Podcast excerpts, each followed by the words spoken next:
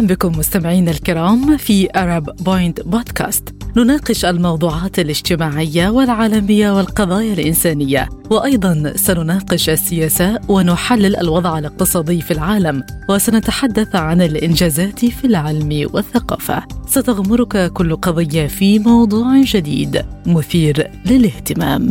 معكم في الاستوديو اليوم دعاء ثابت.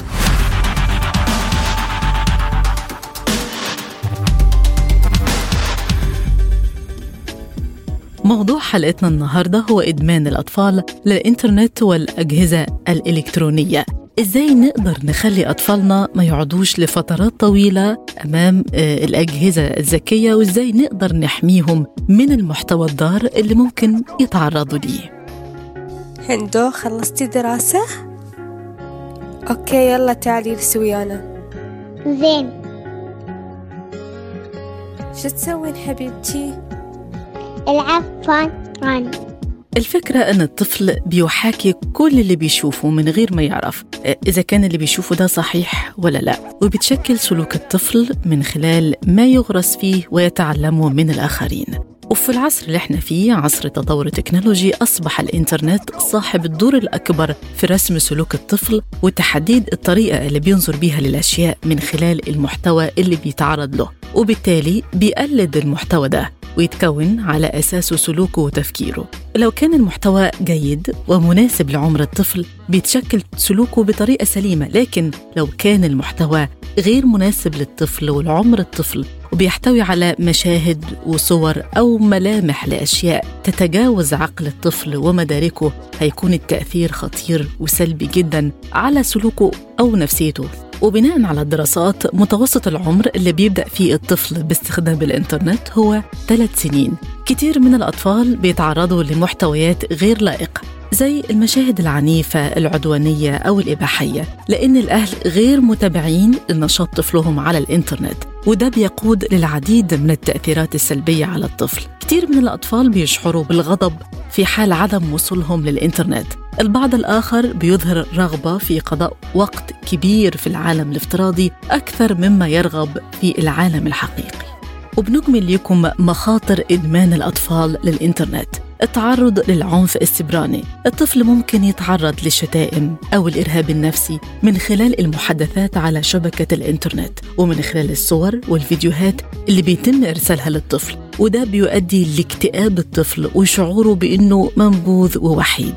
كمان الطفل بيتعرض للابتزاز من خلال المحتويات المحرجة والعدوانية أو المزعجة اللي بيتعرض لها الطفل في رسائل البريد الإلكتروني وغرف الدردشة اللي لا يمكن التعرف على هوية جميع المشاركين فيها. مرحبا أنا رنا بنت فلسطينية وعمري 15 سنة.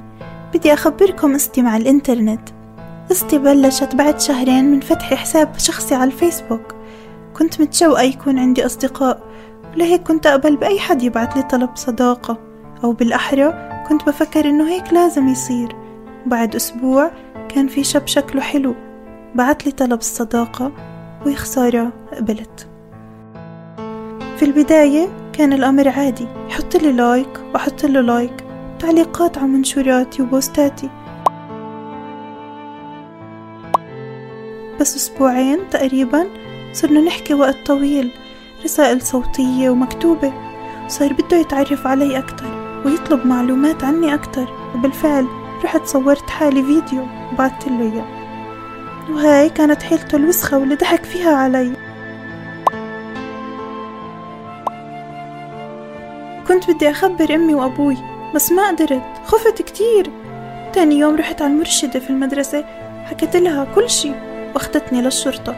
حكيت للشرطة على كل شي. وفرجيتهم كل الرسائل وعرفوا مين هو الشاب ومن أي كمبيوتر وكل شي وأنا بنصح كل وحدة ممكن تتعرض لهيك موقف إنه ما تتجاوب مع أي حدا يحاول يبتزها ولو بأي طريقة كانت.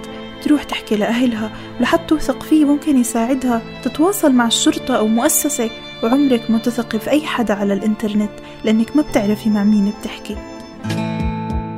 حقيقة مستمعينا الكرام حدثت حالات انتحار كتيرة بسبب السخرية من الأطفال على الإنترنت أو بسبب بعض التحديات زي ما تابعنا في تطبيق تيك توك والبعض كان عايزين يوثقوا لحظة انتحارهم زي ما حصل في فيسبوك. كمان أحيانا بيبحث الأطفال في مواقع التواصل الاجتماعي عن مواضيع بتتعلق بالاكتئاب وإيذاء النفس. في الإطار ده في قصة آه لصوفي باركنسون هي فتاة بريطانية أنهت حياتها في سن 13 عام. كانت صوفي بتعاني من الاكتئاب وتراودها أفكار انتحارية. والدتها بتقول إن هي اكتشفت لاحقا إن صوفي كانت بتستعمل الهاتف لمشاهدة محتوى غير لائق عبر الإنترنت وإنه بعد موت صوفي عثروا على صور وتوضيحات عن كيف يمكن أن تنتحر. في دراسات بتشير إلى أن وسائل التواصل الاجتماعي أصبحت من بين الأسباب الرئيسية في تشجيع الانتحار بين المراهقين. وبالتالي في زيادة معدلاته بسبب تأثيرها على الصحة العقلية. وكآباء محتاجين نفتح حوار مستمر مع الأطفال حول مخاطر الإنترنت وخطورة مشاركة المعلومات الخاصة والعنوان والصور. كمان لازم نشاركهم قصص عن أطفال تعرضوا للخطر بسبب الاستخدام الغير آمن للإنترنت. لازم نتكلم عن التنمر الإلكتروني وخطورته وإزاي نتجنبه. في مخاطر تانية طبعا لإدمان الأطفال الإنترنت والمراهقين. المحتوى غير اللائق يعني التعرض لمحتويات عنيفة وإباحية أو محتويات تشجع على تعاطي المخدرات على سبيل المثال. بيكون الوصول للمحتويات دي سهل ومتاح بالنسبة للطفل. كل ده بيسبب انحراف سلوك الطفل وتغيير في سلوكه. الدراسات أثبتت أن الألعاب الإلكترونية بتلعب دور في المساهمة في اكتساب السلوك العدواني للطفل وتأثر الطفل بتلك الألعاب وبكل أنواعها المختلفة. مثلا ألعاب الفيديو العنيفة اللي بتجعل الطفل بيتقمص الشخصيات البطلة وبيبقى عايز يقلدها عايز ينشرها ويفرغ مكبوتاته في الوسط المدرسي أو حتى في عند العيلة. وده بسبب المدة الزمنية الطويلة اللي بيقضيها الطفل في اللعب والجلوس أمام شاشة الكمبيوتر دون رقابة من طرف الأسرة وبتجعل التلميذ بيحمل رسائل العنف يريد إفراغها في المحيط المدرسي سواء ضد الأصدقاء أو الأستاذ أو أمام أحد أفراد عائلته. وده بيجعله متأخر في نتائج تحصيله الدراسي وبيؤدي أيضا لحالة عجز في اكتساب دروسه وفهمها.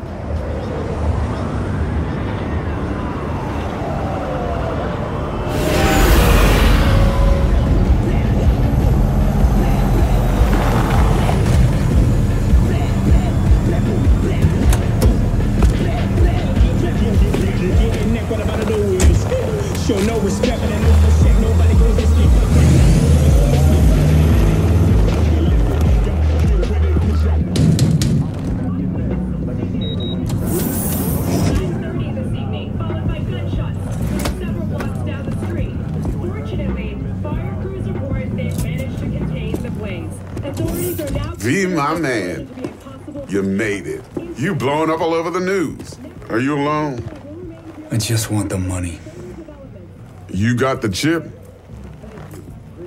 All right, start her up, Bug. Why don't you go to the bathroom, wash up? We gonna be with you in a minute. What? Oh, come on, man. Your neck. It's a mess. السؤال اللي بيطرح نفسه ازاي اقدر اقول ان الطفل او المراهق مدمن على الانترنت او الاجهزه الذكيه وكيفيه الوقايه تعالوا نسمع رأي الدكتور زياد يوسف استشاري هندسة الطب الحياتي. نعم شكرا جزيلا أختي الكريمة. حقيقة هذا الموضوع مؤرق لكثير من العوائل والإدمان يعرف هو ممارسه أي فعالية لوقت أكثر من المطلوب وجلوس الطفل لمدة أكثر من ساعة. خلال فترة النهار أو فترة استراحته بالبيت ممكن يعتبر إدمان إذا كانت هذه الساعة خارج حدود أداء الواجب أو خارج حدود القراءة أو المطالعة لأنه بعض الأحيان الآن كثير من المدارس وبسبب جائحة كورونا اتجهت إلى أن تكون الواجبات وبعض الدروس عبر الإنترنت. لكن استخدامه أو واحدة من المؤشرات انه الأطفال يكونون مدمنين على هذا الأمر هو إنه لا يمكنهم مفارقة الجهاز اولا وثانيا لا يمكنهم الانتقال إلى فعالية أخرى مثل القراءة في كتاب أو اللعب ويصبح تصبح حتى الألعاب موجودة داخل هذه الأجهزة ومن الصعب فك الارتباط ما بين الطفل وبين الجهاز. وهذه تكون مؤشر إحنا لا يمكن أن نطلق عليه إدمان بالبداية ولكنه يكون اهتمام أكثر من اللازم. ويجب إيقافه والإيقاف بهذه الحالة له يعني له فعاليات كثيرة وطرق كثيرة يجب أن تكون غير مباشرة لأنه التعامل مع الطفل لا يمكن أن يكون بالنصيحة، يعني ما ممكن أن تخبر الطفل إنه هذا الأمر الذي تقوم بفعله الآن هو أمر خاطئ أو غير صحيح لأنه مدارك الطفل بسيطة وغير لا يستوعب النصيحة بشكل كامل. لكن واحدة من من الطرق الناجعة لحد الآن هو إثارة اهتمام الطفل بفعاليات أخرى، أهمها إخراج الطفل خارج البيت إلى فعالية مثل لعب كرة القدم أو المشاركة بأي فعالية أخرى خارج البيت، لأنه ما دام الطفل داخل البيت من الصعب أنه يكون يعني من الصعب اخذ أخذه خارج هذا الجهاز إلا في حالة القراءة أو يعني الاهتمام بالكتب وتحويل تحويل خلينا إحنا نسميها الجوائز أو الاغراءات اللي نقدمها للاطفال أكثر لتدريبه على انه اذا قام بفعالية قراءة كتاب أو لعب أو اللعب بالبازلز أو الالغاز أو كل هذه الفعاليات الاخرى اللي هي خارج الجهاز الالكتروني يجب ان يكافئ عليها الطفل لكي يشعر بشكل غير مباشر انه المكافأة موجودة في مكان وغير موجودة في مكان آخر.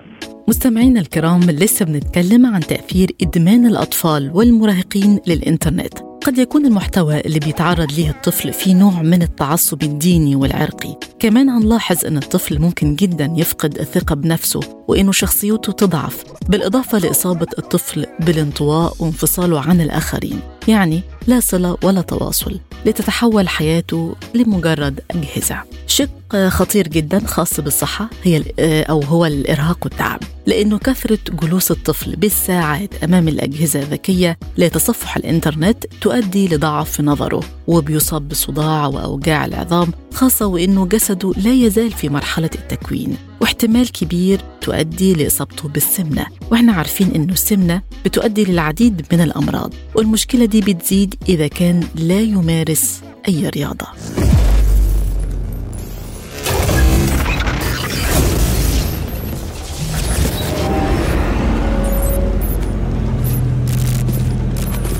Wake the fuck up, samurai. We have a city to burn. إذا مستمعينا عالم التقنية والألعاب والتحول الرقمي أصبح عادة يومية للأطفال. المشكلة الأكبر أنه أصبح عادة لمعظم الناس في أغلب الأوقات إذ لا يمكن لأي أحد أنه يتخلى عن الموبايل لساعة أو أكثر في أوقات الفراغ. في الوقت الحالي الآباء كمان بيجدوا صعوبة شديدة جدا في منع الأبناء من قضاء الوقت على الإنترنت. تعالوا نعرف هل هناك دور لشركات التكنولوجيا لمواجهة المخاطر اللي بتواجه الأطفال بمواقع التواصل الاجتماعي؟ هنرجع تاني للدكتور زياد يكلمنا عن هذا الدور. والله للأسف شركات التكنولوجيا أغلبها تقوم بشكل سلبي في هذا الأمر. وهذا وهذا الأمر لأنه لا توجد قوانين رادعة خصوصا في بلداننا العربية، اولا لا توجد قوانين على على محدودية الإعلانات، بعض الشركات لا تصنف الم... الشركات المحترمة تصنف المحتوى حسب الأعمار ولا تسمح للطفل مثلا على سبيل المثال الان يوجد برنامج YouTube for Kids واللي هو يوتيوب للأطفال، هذا طورته شركة يوتيوب إنه هذا هذا البرنامج اولا تكون جميع الفيديوهات الموجودة به هي ضمن فئات عمرية محددة، لا يشتمل على إعلانات خارج حدود الأطفال، لا يشتمل على أي شيء آخر، لكن مواقع أخرى خصوصا مواقع الالعاب أو الالعاب الإلكترونية لا ابدا. بالعكس تستغل هذه المساحة وتكون هناك مساحات للإعلان وهذه تكون أوتوماتيكية بشكل كامل. لا بها حدود للعمر لا بها مثلا محددات عن طبيعة الإعلانات. بعض الأحيان الأطفال يتعرضون إلى يعني خلينا نقول مواقع عفوا لذكر ذلك لكن قد تكون إباحية قد تكون الإعلانات غير مناسبة غير أخلاقية. هذا لا يحد لا يمكن أن نخبر الشركات لأن أغلب هذه الشركات موجودة في دول أخرى. لكن يجب أن تكون هناك قوانين محلية تضبط هذا الأمر ويتم منع بث اللعبة في البلد. وهذا ممكن تقدر مثلا بلد مثل مصر مثل العراق مثل بأي بلدان العربية الأخرى يعني عندهم إمكانية هيئات الاتصالات الموجودة عندها إمكانية حجب لعبة معينة أو حجب موقع معين في حال عدم انضباطه. الآن لو نأخذ مثال تشوفين الاتحاد الأوروبي طور ال GDPR اللي هو ال General Data Protection Regulation نظام حماية البيانات، كل الشركات في ليلة وضحاها أصبحت غير مرخوصة لاستخدام حتى اسمك إلا إذا أنت تعطيهم موافقة. هذا ليش؟ لأنه شركات ستمنع من العمل لأنه جميع الدول طبقت القانون، إحنا في منطقتنا العربية لا يوجد هذا الأمر، ولا حتى القوانين المحلية الموجودة تمنع، لهذا الرادع الأول هو رادع تشريعي يكون بتشريع برلماني قانوني جمعية. يعني أنا ما أعرف بالعراق عندنا برلمان في مصر أكيد أكو برلمان أيضا.